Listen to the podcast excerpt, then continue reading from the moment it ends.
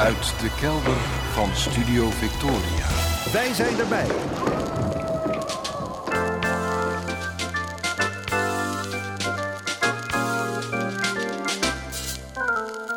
Archief Rijnmond. Oude plaatjes, curieuze opnamen, onbekende teksten en vergeten artiesten uit de regio Rijnmond. Uw archivaris Roland Vonk. Met aflevering 1194. Goedemorgen, goedemiddag, goedenavond.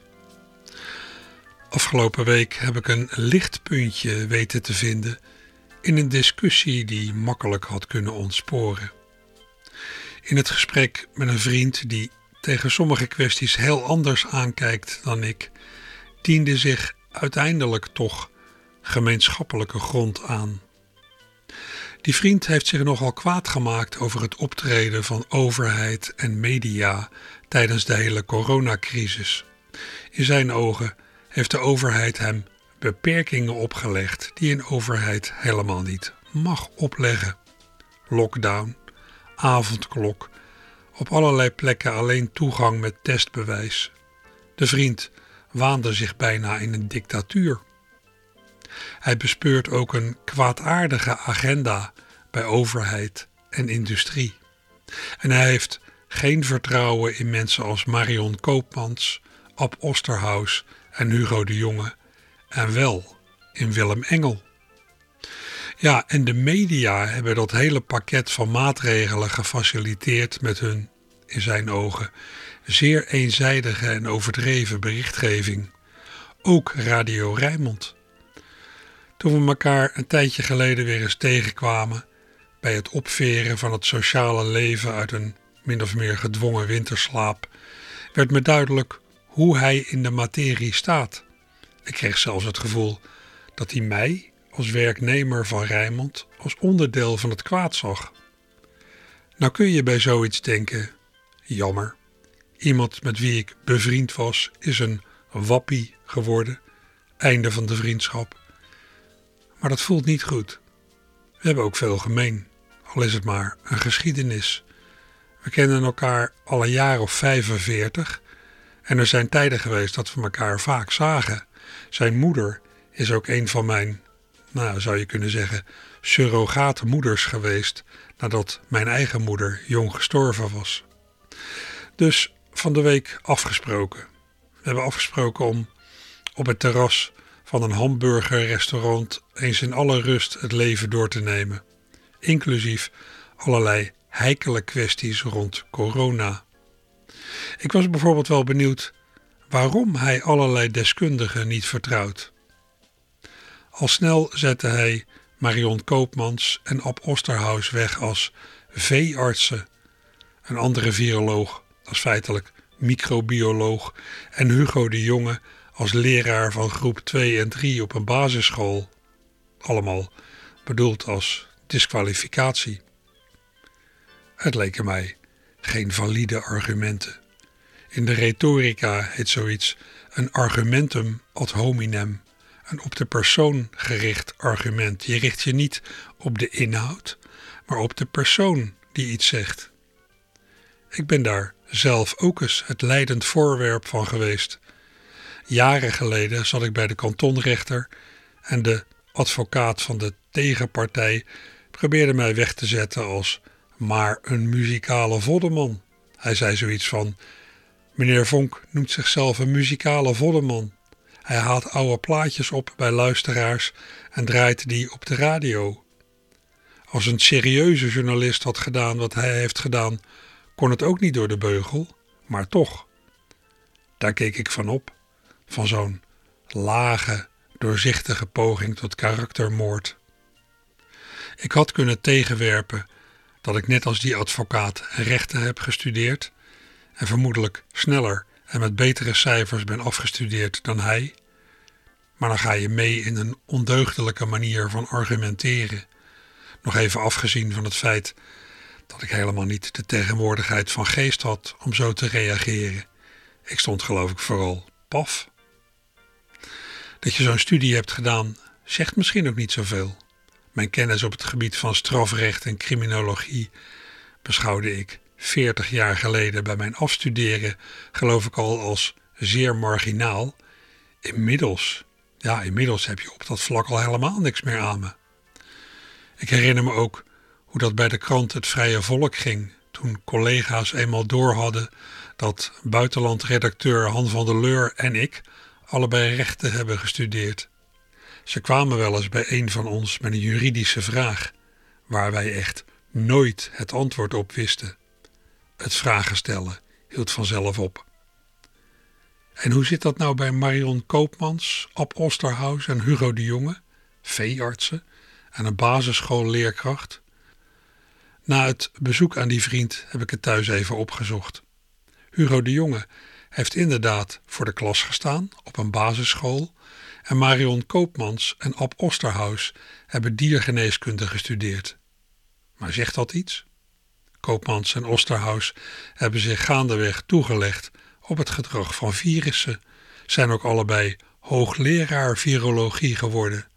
En Hugo de Jonge heeft een weg afgelegd van leraar op een basisschool naar adjunct-directeur van een school, politiek assistent in Den Haag, wethouder en minister. Niks problematisch, niet iets om mensen op af te rekenen. Ik kaatste de vriend bij onze ontmoeting terug. Mensen daarop aanvallen is net zoiets als Willem Engel niet serieus nemen omdat hij maar dansleraar is. Daar gaat het niet om. Je kunt het beter over de inhoud hebben. Mijn vriend was het gelukkig met me eens. Nou, daarin vonden we elkaar dan toch. Dat we verder uiteraard bleven verschillen van inzicht en houding, ervoer ik van de week niet als een onoverkomelijk probleem. Ik heb die hele coronacrisis en de maatregelen daaraan verbonden voor een belangrijk deel schouderophalend doorstaan. Mijn best ontwikkelde spieren zijn mijn schouderophaalspieren, zeg ik wel eens. Die vriend daarentegen, die nou eenmaal anders in elkaar zit, is van alles en nog wat gaan lezen en is terechtgekomen bij, ja, wat ik maar alternatieve denkers zal noemen. Ja, dat kan. Het zou treurig zijn als dat de vriendschap verder in de weg stond. En als ik de luisteraar tot slot nog een advies mag geven, als u binnen Rijnmond iemand zoekt om juridische vragen aan te stellen, passeer dan dus meester Vonk en wendt u zich tot Paul Verspeek, tot rechtbankverslaggever Paul Verspeek, doctorandus Verspeek, die geschiedenis heeft gestudeerd.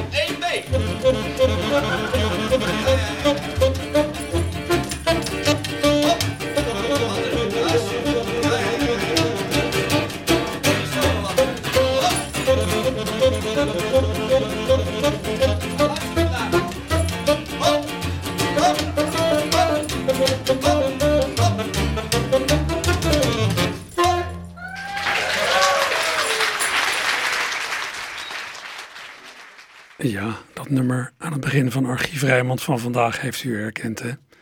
Maar hoe het heet? Circus Rens heet het, of ook wel Souvenir de Circus Rens. Het is uit 1894, componist Gustav Peter, van wie niet helemaal duidelijk is of hij nou uit Oostenrijk of Hongarije kwam. En de uitvoerenden waren de mannen van het Rotterdamse trio de Flamingo's, met nog op de Noorsax Jan Smit, niet de Jan Smit uit Volendam uiteraard. We hoorden een opname die ik nou, een kleine 30 jaar geleden heb gemaakt. Ergens buiten volgens mij, ik weet niet meer waar. Nou, ik ben begonnen om een deel van mijn geluidsarchief door te spitten dat ik op CD heb bewaard. Een deel daarvan is ten prooi gevallen aan CD-rot. Ik dacht destijds, nou, dat schrijf ik dan weg op CD. Dat is dan bewaard voor de eeuwigheid. Niet. Ja, dat die CD's uit elkaar vallen, valgevallen zijn voor een deel, dat weet ik alle tijd. Heel wat zelfgebrande CD's hebben inmiddels zogeheten trekkingproblemen. Om die reden heb ik al die cd's jaren geleden alles geript en op een harde schijf gezet. Nu ga ik stukje bij beetje kijken wat er nog te redden is. En ja, wat best een keertje in de, in de herhaling kan na 25 of 30 jaar. Ik denk niet dat iemand mij daarop zal afrekenen. Het volgende zal niet zo snel bederven, zo gezegd. Komt namelijk van een handels-DVD, niet een uh, zelfgebrand ding. Komt van een van de DVD's uit de box met het verzameld werk van de Rotterdams, Maasluise, inmiddels Voorburgse, cabaretier en geweldige liedjesmaker Kees Torren. Komt uit een box die tien jaar geleden verscheen bij het afscheid van Kees van de podia. Na twintig jaar toeren met soloprogramma's had hij er geen zin meer in. Uit al die programma's van Kees wil ik nu en dan een eh, montage laten horen. Vandaag een montage van een half uur uit het programma In de Gloria, dat Kees speelde in 2002. Ik heb allerlei opmerkelijke fragmenten en liedjes uit dat programma door elkaar gehusseld. Hier en daar begint Kees daardoor, zonder verdere plichtplegingen, zomaar aan iets anders. Ja, voor een deel komt dat dus door mijn montageschaar. Maar er zit ook wel een lijn in. Want dat programma had een paar duidelijke thema's en die heb ik overeind gelaten. Thema's die trouwens ook in andere programma's van Kees doorklonken, zoals zijn excessieve drankgebruik. Kees is feitelijk al heel lang alcoholist. Whisky is zijn zwakke plek. Verder gaat het over het roken van sigaren, zijn liefde voor Bach, zijn liefde voor José en over nou, de samenleving waar hij niet zo goed in past met zijn onalledaagse geest. En oh ja, het gaat ook over zijn moeder en over zijn vader, die nauwelijks heeft gekend. De wereld draaide om mijn vader totdat hij er niet meer was. Pas sinds zijn dood en zijn crematie draait de wereld om zijn as. Ik heb nog wel zo'n kort, hè? Pas zei een man uit Bunnik, mijn ergste vijand gun ik de straf nog niet van weer een lied van Agda en de Munnik. ik vind sympathieke jongens hoor. Mijn neefje, waar ik eerst mee pimpampette, al volgde hij de regels niet precies, was eerlijker bij Russische roulette. Alleen hij kon niet tegen zijn verlies.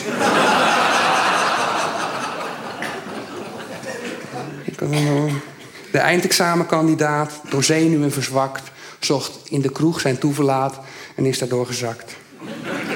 Is dat, is dat door. Ik neem wat vaker uh, wijn de laatste tijd om wat minder uh, whisky te hoeven. Volgens mijn broertje uh, dronk ik daar te veel van. En die is arts, dus die kan het weten. Die vroeg hoeveel whisky drink je nou op een dag? Dus ik zeg, nou een fles. Toen zei hij, zo zul je wel lange dagen maken. Jij stond per ongeluk in mijn adresboekje onder de Z. Daarom heb ik je zo lang niet geschreven, Jeannette.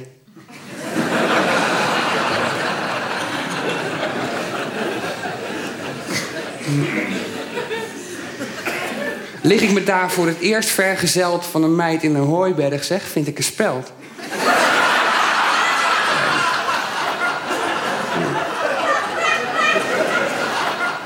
Dus ik heb nou een vriendin hoor. Helemaal uh, voor, voor mezelf. Al vijf jaar.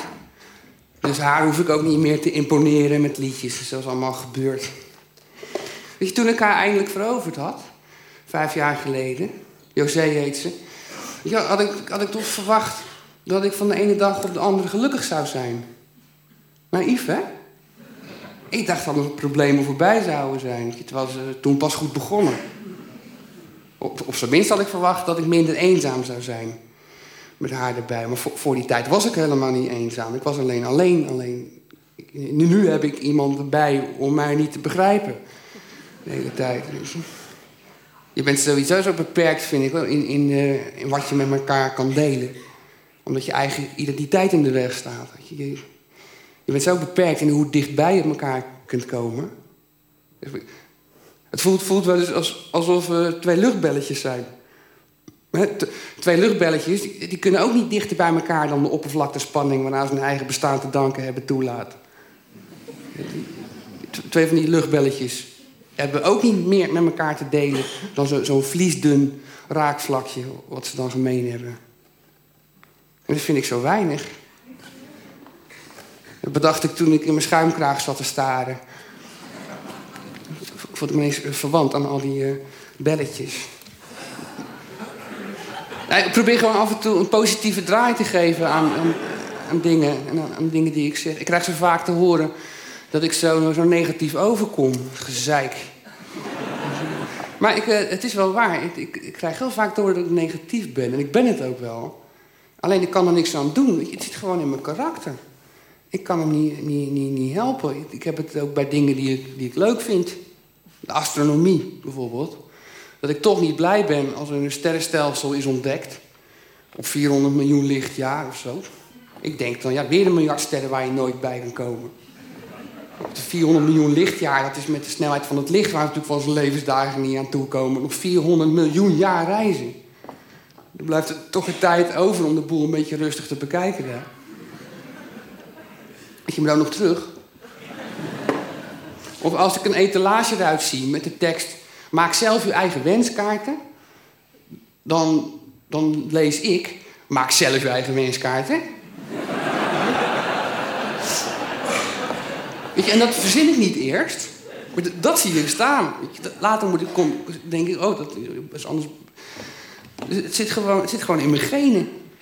Dat negatieve. Ik, daar kan er toch niks aan doen. Ik wou dat iets anders in mijn genen zat. Iets leuks, iets gezelligs. Dat ik mee kon rotsen met de Brabanders. Mee kon genieten van Akne en de Munnik.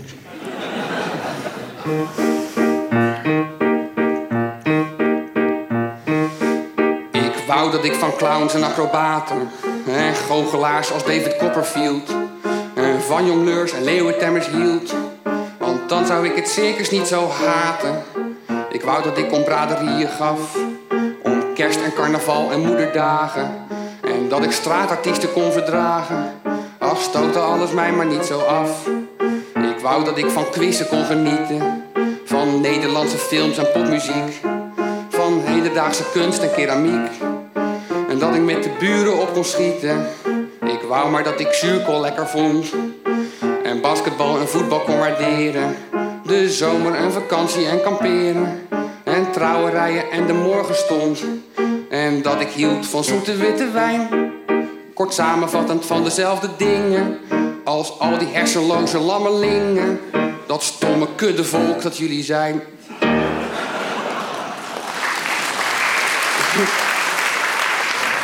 Wat sportief. Hier is nog een voorbeeld. Op zich is Engels best een mooie taal. Ik vind het prachtig klinken allemaal. Maar waarom laten altijd al die Britten steeds letters weg die in hun woorden zitten? Ze zeggen not, know-how en knee en nikkers. Maar schrijven knots, know-how en knie en knikkers. Wat is de functie van die stomme K? Wij schrijven vla toch ook niet op als kvla? Als ik een woord als knife zie, denk ik nee. Geef mij maar liever onze nats het. Waarbij alleen het C staat zinnenwoord. Terwijl het zijn extra S in hoort. Ze maken het in Frankrijk zelfs nog bonter. Daar zeggen ze monté in plaats van monter. Ze zeggen miserable zonder S. Ik vind wanneer je les schrijft, zeg dan les. Waar is het nodig voor dat bij e-pocht zowat de helft niet uitgesproken wordt? En in alleen vergeten ze de Z. Dan schrapt die dan ook uit je alfabet. Vooral die H van hun in héritage, in heureusement, hors d'oeuvre en hommage. Vooral die H van hun in ooit en om. Die is toch zeker uitgesproken.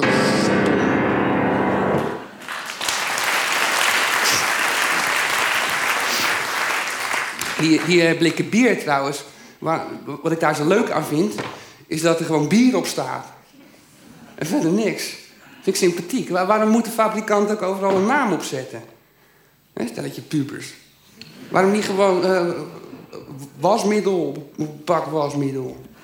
Een koffie op een fles koffie. Gewoon auto op een auto. Je toch iets op moet zetten. bij auto's is het ook niet, niet alleen het, het merk. Maar ook type en hoeveel airbags erin zitten. En ABS, een Side Impact Protection System. En hoeveel, kleppen en, turbo diesel injection. En, en, hoeveel liter erin zit. Maakt mij nou uit hoeveel liter erin zit. Ik heb zelf een Volvo. Er staat het zelfs op het stuur. Alsof je vergeet in, in wat voor auto je ook alweer gestapt was. Dat je naar een Fiat-dealer rijdt na een lange rit. Nou, heb ik één keer gehad. Zo'n grote station, weet je wel, waar je moeiteloos zes kratten inschuift. Dat is fijn. Hoef je maar twee keer per week. Ik ga niet naar de dokter als ik wat heb. Want zo'n man die vraagt toch of je rookt. En die, die zegt toch dat je moet stoppen met drinken. Weet je, dat kan ik zelf ook wel verzinnen. Ja, dan hoef ik natuurlijk niet uh, naar een huisarts toe. Of consult. Alleen al zo'n consult kost 24,40 euro. Daar heb je een heel redelijke whisky voor. en ik ga elke dag niet naar de huisartsen.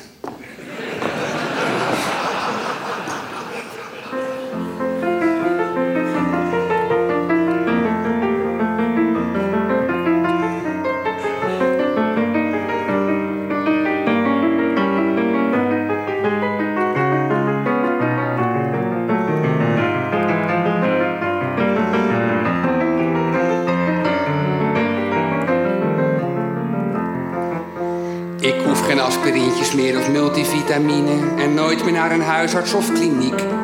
Want niets is zo snel werkend en eenvoudig toe te dienen en zuiverend en heilzaam als muziek. Speelt iemand van Chopin bijvoorbeeld een van zijn etudes waar vluchten uit de zaal niet zomaar kan? Dan neem ik thuis onmiddellijk van Bach een shot preludes en ben ik meestal zo weer boven Jan.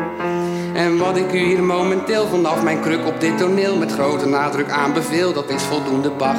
Voldoende Bach is essentieel voor het gestel en het moreel. U blijft gezond als een makreel bij drie kwartier per dag.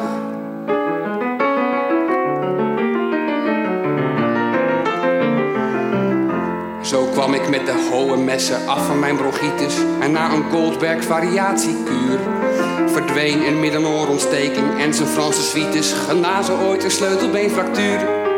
Mijn depressiviteit en koorts en vele allergieën gaan weg als ik die kunst der draai. Een kater los ik op door middel van zo'n fantasieën. En helpt het niet, dan klinkt het toch nog fraai. Elk werkje is een klankjuweel, al noemt een kandidaat in Yale het louter intellectueel, maar die heeft geen gezag. Beluister maar een keer of speel partita 1 het laatste deel, of doe meteen maar net geheel, dan gaat u overstag.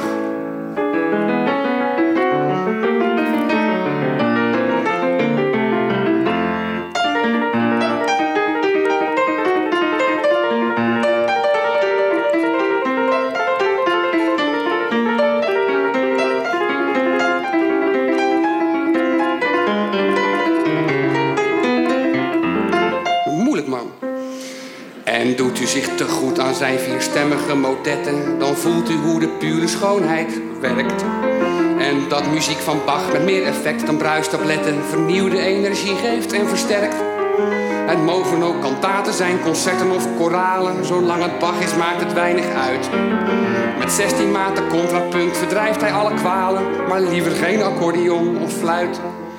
Is uw urine veel te geel? Of kijkt u soms een beetje schil? Of heeft u kriebels in de keel? Of jeuk of huiduitslag? Of smaakt u verse zeebarbeel in plaats van naar barbeel naar meel? Of zit u aan de ginger ale en proeft u koffie hag? Zolang het geen bacterieel absces is, Bach will never fail. Wanneer ik Florence Nightingale een keer citeren mag. En volgens dokter Scherpenzeel, een chiropractor uit de pil, is Bach een soort van holy grail, wat onzin is. Maar ach, het rijmt.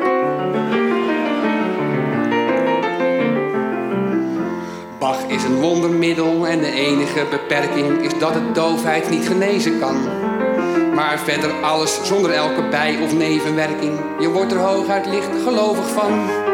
Het spreekt dan ook vanzelf dat nog maar weinigen betwisten dat Bach doende wonderen verricht. En even logisch is het dat zijn oeuvre bij drogisten, zoals het kruid wat in de schappen ligt.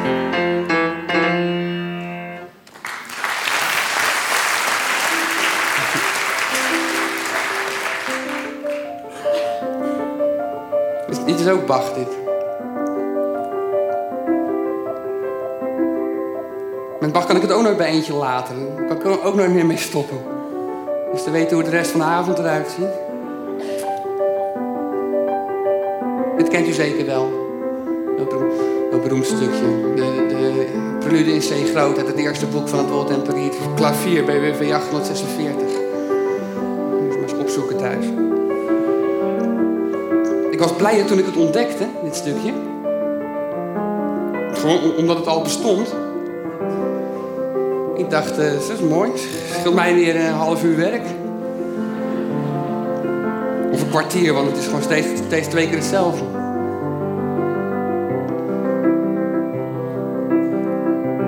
Kun je het goed zien?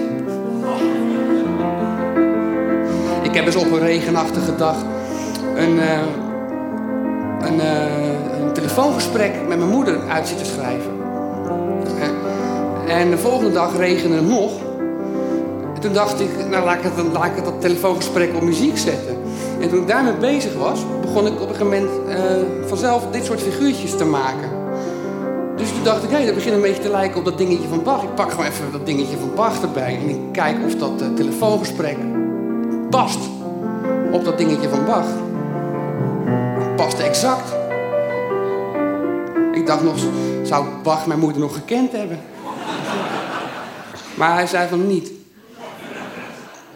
Dus mijn moeder die vertelde dat ze uh, 30 jaar geleden een keertje uh, 500 gulden uh, opnam bij de bank. Dus toen, voor 30 jaar geleden veel meer dan nu.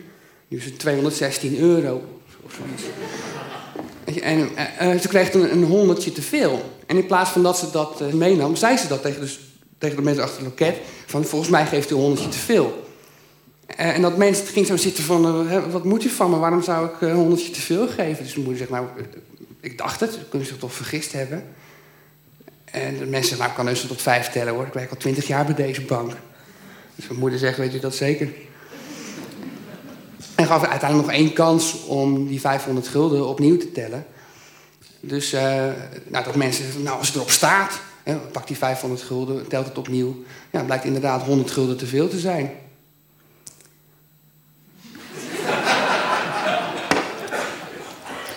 dus mijn moeder is er zo één die er 30 jaar geleden al 100 gulden voor over had om zo'n verhaal duizend keer te kunnen vertellen. Je kent dat soort moeders wel. Misschien heb je er zelf een. Misschien bent u er wel een.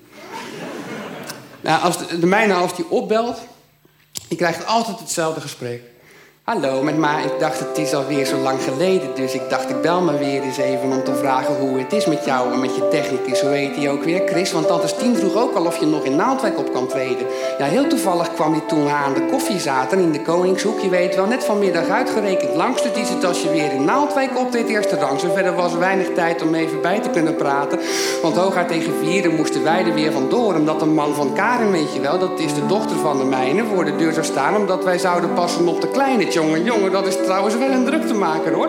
We kunnen er toch niet zo goed mee tegen als we dachten. Ik ben uitgeput en nou lig ik wat bij te komen op de bank. Je wordt er gek van heel de dag gejengel en gejank. Nu moet ik ook nog op gaan ruimen, maar dat kan wel even wachten. Want als ik daarmee klaar ben, loopt het tegen etenstijd. Dat wordt dus pizza, want ik heb echt helemaal geen zin meer om te koken. En nu ligt hier ook nog heel de straat al weken opgebroken. Dus voorlopig kunnen we hier nergens meer de auto kwijt. Met oma gaat het goed. Ze is alleen een beetje moe, maar dat is logisch na die onderzoeken van de afgelopen dagen. Want ze is vanmorgen uit het Dijkzicht ziekenhuis ontslagen. Dus vanmorgen moest ik met de auto naar de Dijkzicht toe. Ik heb de hele dag nog geen seconde stilgezeten. Dus ik ga op tijd naar bed, want morgen moet ik bij de tandarts zijn. Want als ik eventjes niet praat, dan al mijn kiezenpijn.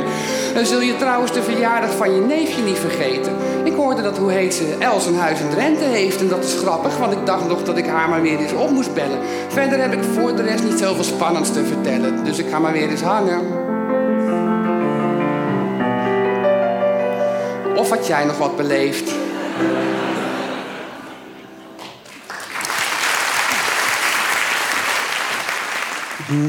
Onlangs sprak een oude vlam mij aan. Of ik niet eens met haar uit wou gaan.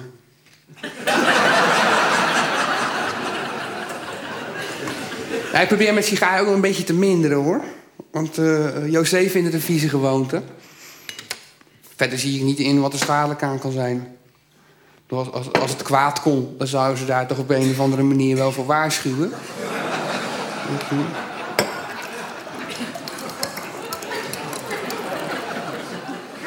En ik ben niet, niet zo naïef dat ik denk dat vroeger alles beter was.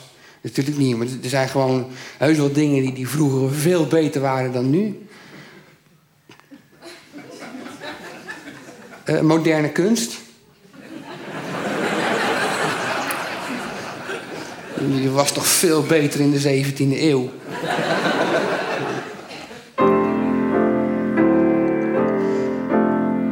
Als mijn oma's moeder honderd jaar geleden de kolen in de kolenkachel deed, het brooddeeg eigenhandig stond te kneden, de dagelijkse boterhammen sneed, de dagelijkse koffiebonen maalde, of met de poes op schoot haar garen spon, het natte wasgoed door de wringer haalde en ophing om te drogen in de zon. Dan dacht ze nooit, was er maar filtermaling, bestond de wasmachine maar alvast. De afwasautomaat en afbetaling, de waterleiding en de meterkast, de boiler en de oliestokinrichting, de centrifuge en het gasfornuis. Bestond er maar elektrische verlichting, de halogeenlamp of de neonbuis. Als opa's vader planken stond te zagen, een nieuwe staldeur in de hengsels hing, het dak bedekte of met paard en wagen, ze waren in de stad verkopen ging. Dan dacht hij nooit, bestond er maar espresso. Ik wou dat ik espresso drinken kon. En zegeltjes kon sparen bij de Esso. Voor dvd'tjes of een hoogtezon. Of voor een setje nieuwe ruitenwissers. Of voor een homecomputer of een fax. Bestonden er alvast maar luchtverfrissers. En Glorix, Odorex en Oropax. En stuurbekrachtiging en driewegstekkers. En meubelboulevards en reisbureaus.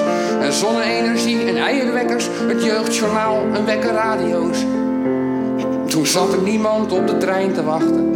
Of op de bus of op de motorfiets. Op 16 kleppers of op paardenkrachten. Ze hadden alles en ze misten niets. Toen hoefden ze nog niet te internetten. Ze hoefden geen FM, geen infrarood. Geen kabel en geen antikalktabletten. Geen haarlak en geen voorgesneden brood.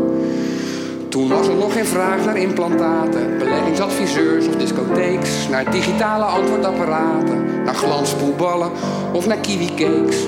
Ze droomden niet van voorgekookte krieltjes of van een koelkast met een diepvriesvak. Laat staan van organizers en mobieltjes, van poedermelk of landwijn uit een pak. Terwijl ik zelf zo graag terug zou willen naar tijden dat de poddeman nog riep om vodden en de schillenboer om schillen. De tijden van de schout en scharen sliep. Naar tijden van gezellig ganzenborden. In plaats van in de koopgoot met elkaar gezellig op een hoop gedreven worden. De tijd van voor de meubelboulevard.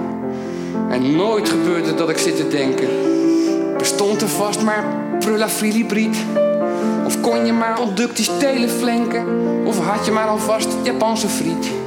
Ik mis geen cryozol of usamine. En ik verlang niet naar hybridoplast of nervoscoops. Alleen de tijdmachine. Ik denk wel eens, was die er maar alvast.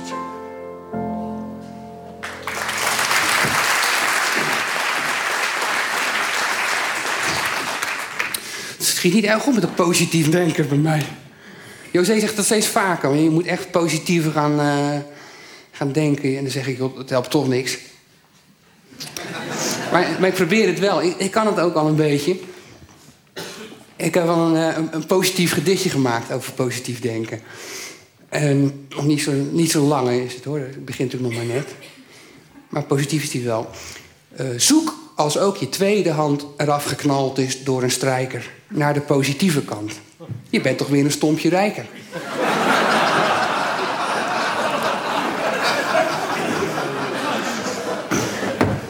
We, hebben nooit ruzie hoor, maar gewoon, is eens spanning. We zijn gewoon verschillende mensen, dus is wel eens, dat levert wel eens. Uh, en ik vind dat niet erg dat je, dat je af en toe een meningsverschil hebt of zo. Uh, zolang je maar oplost en hoe meer je samen overwint, hoe sterker je, eruit komt steeds. En hoe sterker de relatie wordt natuurlijk. Uh, ik zei dat tegen José ook. Ik vind het niet zo erg af en toe een meningsverschil. Daar groei je van. En zei ze, ben ik het dus niet mee eens. Hier, groei maar weer een stukje. Snap je? Ze, ze, ze, zei ook dat het voelt alsof je mekaars karakter als het ware slijpt.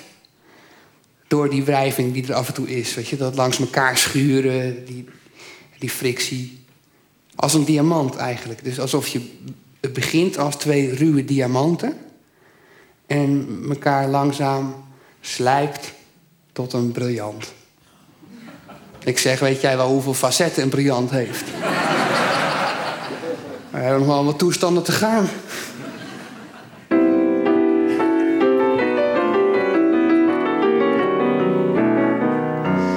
We zijn al bijna vijf jaar bij elkaar, maar niettemin verkeren we nu toch een beetje in een soort van crisis. Omdat ik bang ben dat het allemaal voor mijn vriendin, hoe leuk ik het ook heb met haar, alleen maar tijdverlies is. Misschien ben ik wel helemaal de man niet van haar dromen. Misschien dat wij wel helemaal niet horen bij elkaar. Misschien dat zij de ware nog niet tegen is gekomen. En ben ik niet de ware, maar verbeeldt ze zich dat maar. Maar mijn vriendin zegt, ben je mal, hoe kom je daar nou bij? Ik hou natuurlijk ook ontzettend veel van jou bij vlagen. Ze zegt dat ze wel degelijk gelukkig is met mij. En dat ze het er nooit met iemand anders op zou wagen.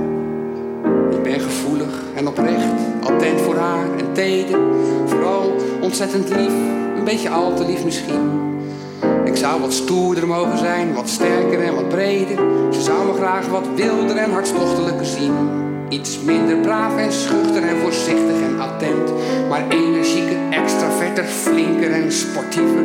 Brutaler, ondernemender, zoals een echte vent.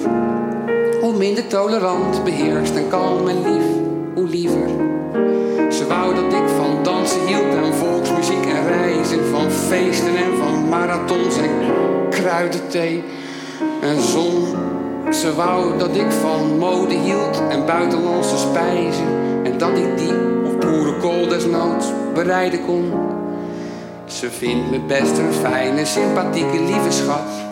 Al kan ik nog geen goulash maken of een schuurtje bouwen. Wanneer ik maar wat meer gevoel van eigenwaarde had. Ze mist bij mij vooral een beetje trots en zelfvertrouwen. Hoe zou dat komen? Misschien wordt ooit mijn liefde overtroffen door de haren. Of moet ik op de kortere of langere termijn mijn meisje afstaan aan die nu nog onbekende waren? Maar volgens mij zoekt zij precies de man die ik wil zijn.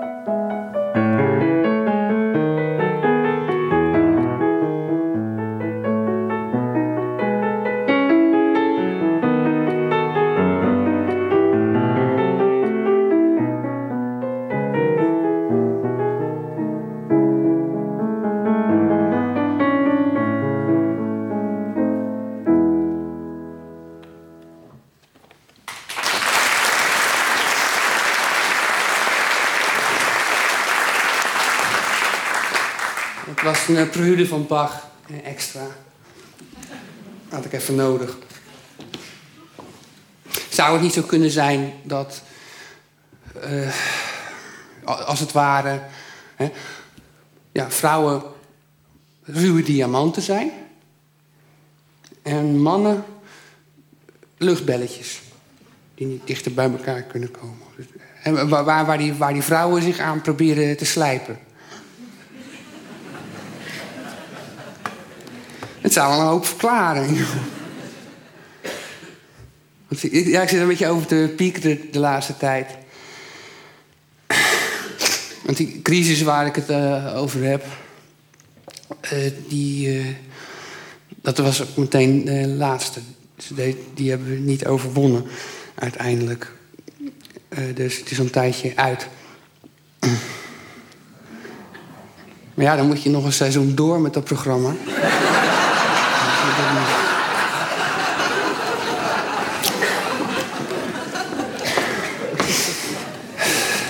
Ik moet nou even een whiskytje hoor. Een hele avond al. En ik had natuurlijk wel meteen aan het begin van de avond kunnen zeggen, want ik wist het wel. Maar ja, dan, dan begin je met een domper, weet je. Nu, anders hadden we niet zo'n feestje gehad. Weet je wat nog het stomste is? Dat ik degene ben die het uit heeft gemaakt. Sukkel. Je, heb je de leukste vriendin van de wereld, dan gaat het nog niet goed. Ga je ga je weer, weer te klein voelen. Lekker zeg. Voel je weer onzeker. Weet je, was mijn eigen schuld. Ik had er op een voetstuk gezet. Natuurlijk zo, maar zo hoog. Weet je wat we dood kunnen vallen. En dat, dat ik zelf voor mezelf onbereikbaar had gemaakt. Ik vond het gewoon te leuk. Ik dacht, ook die blijft niet bij mij. Die loopt natuurlijk een keertje weg. Of, of ze stuurt mij weg. Hangt natuurlijk vanaf bij wie je bent eh, op, op, op dat moment. en ja, die, die onzekerheid hou je gewoon geen vijf jaar vol. Dus ik dacht, laat ik het maar voor zijn. dus ik ben weer vrijgezel. Maar we hebben het leuk gehad door samen, die vijf jaar. Dat pikt niemand ons meer af.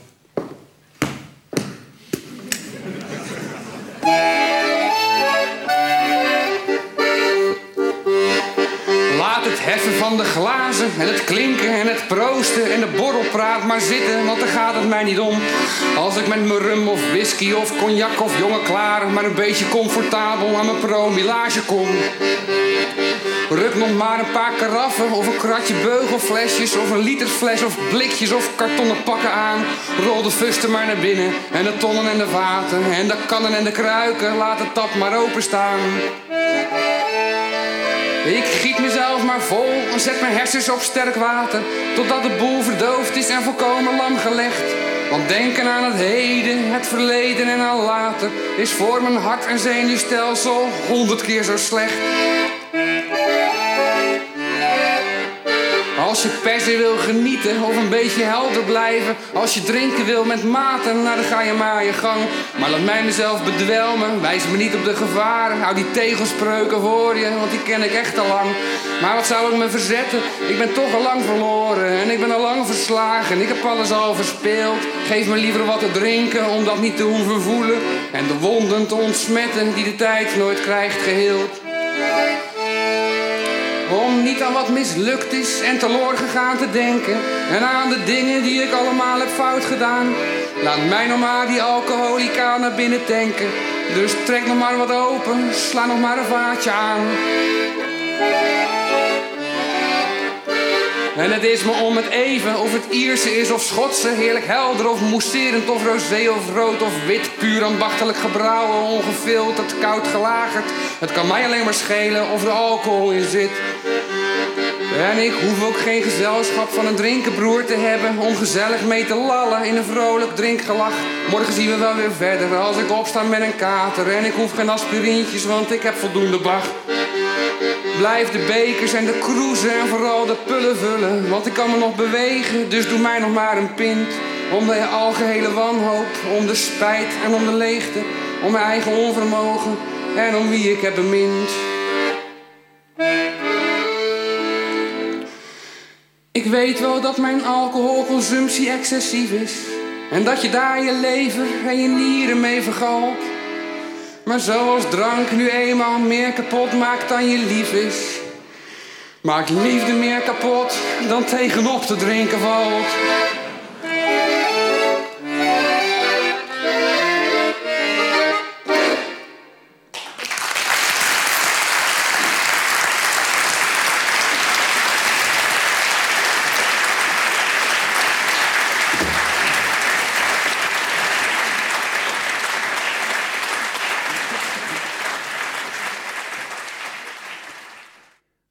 Voor Kees Torren, die dit speelde op het accordeonnetje dat hij van José had geleend. De vrouw met wie hij, had, hij het had uitgemaakt omdat hij vond dat ze iemand beters verdiende.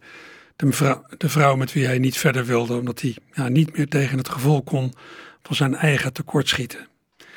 Ja, ergens wel herkenbaar, dat gevoel van tekortschieten in een relatie. Dat voel ik zelf ook wel een beetje Als een soort Achilleshiel. Het is uiteindelijk trouwens goed gekomen. Kees en José hebben elkaar uiteindelijk weer gevonden. Ze wonen alweer heel lang samen in het huisje van José in Voorburg. Hoe het daar toe gaat, hebt u laatst kunnen zien in een fraaie documentaire van André van der Hout, getiteld Het langzame leven van Kees Torren. Ja, wat u daarnet hoorde was dus een eh, montage uit het programma In de Gloria van Kees Torren uit 2002. Op Spotify is veel van Kees terug te vinden. En als u komende maanden en jaren naar dit programma blijft luisteren, Archief Rijmond, dan hoort u er hier ook nog wel van alles van. Ja, Kees heeft in de loop der jaren herhaaldelijk samengewerkt met cabaretier en muzikant Mike Baudet. Voor het programma In de Gloria heeft Mike ook eh, meerdere teksten van Kees op muziek gezet. Twee aardsmuzikale jongens bij elkaar. Ze hebben allebei absoluut een goed gehoor, maar ze hebben niet allebei een absoluut gehoor. Ja, wat is dat, een absoluut gehoor? Daar heeft uh, Mike Baudet het laatste, nou laatst, vier jaar geleden over gehad. Hij heeft dat hele fenomeen uit de doeken gedaan in Podium Witteman. Het programma waarin hij uh, jarenlang de huispianist was. En dat gaat verdwijnen, dat eigenlijk al verdwenen is. Na de zomer komt er iets anders voor in de plaats. Vier jaar geleden deed Mike dat fenomeen absoluut gehoor uit de doeken aan het begin van een nieuw seizoen, Podium Witteman. Het was ook het begin van een nieuwe serie van zijn muzikale ABC, waarin hij steeds allerlei muzikale begrippen en verschijnselen behandelde, al dan niet naar aanleiding van kijkersvragen.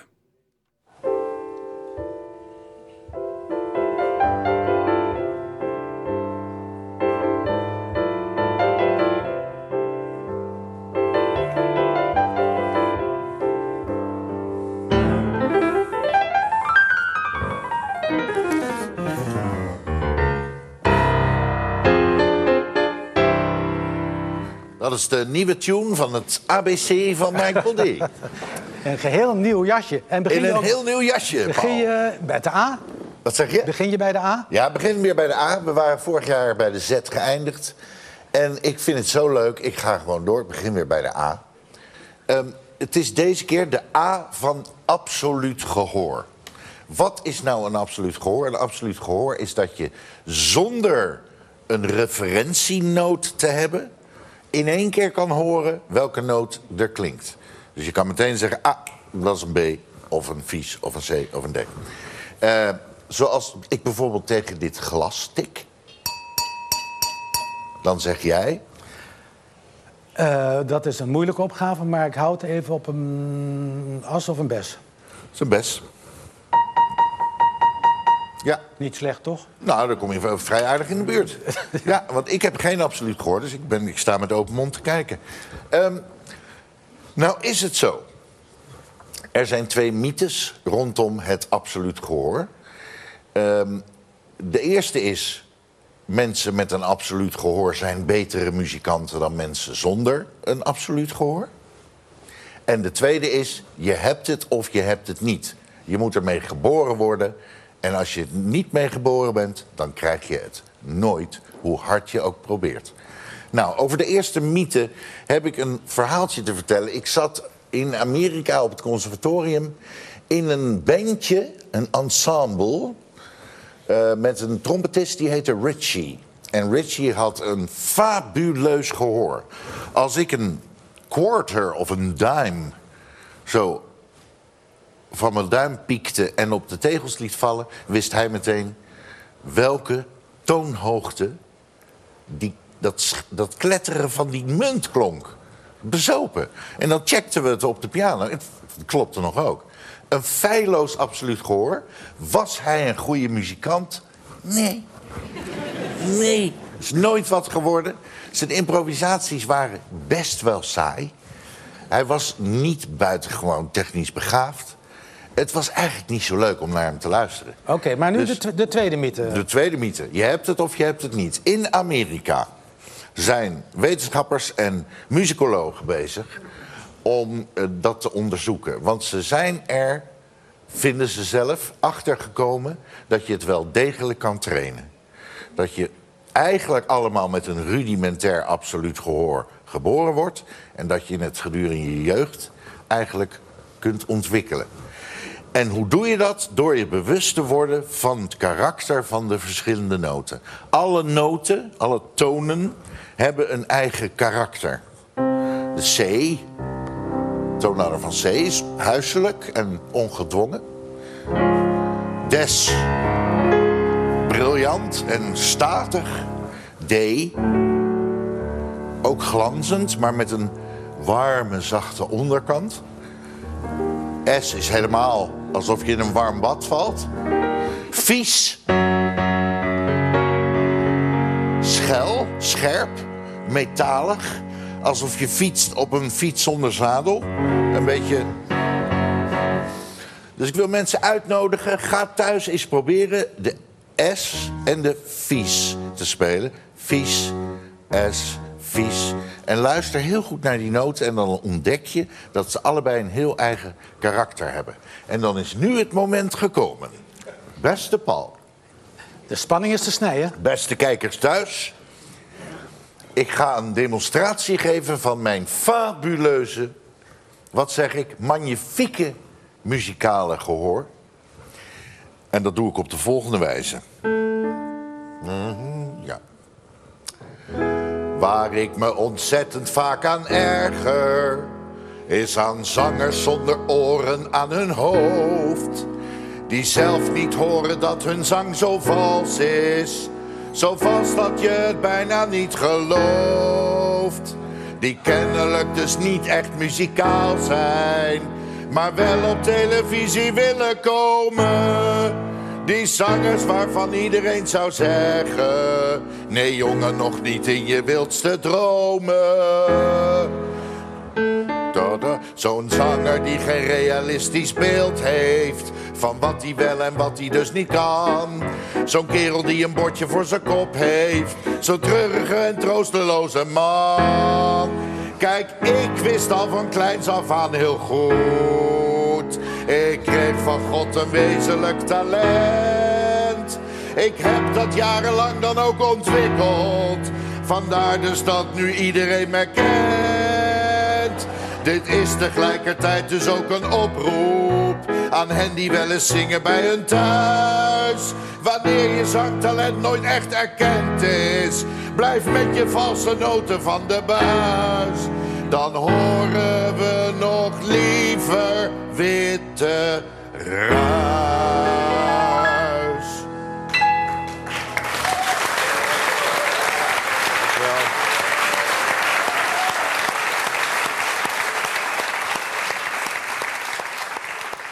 Al dus Mike Baudet op 9 september 2018 in het tv-programma Podium Witteman.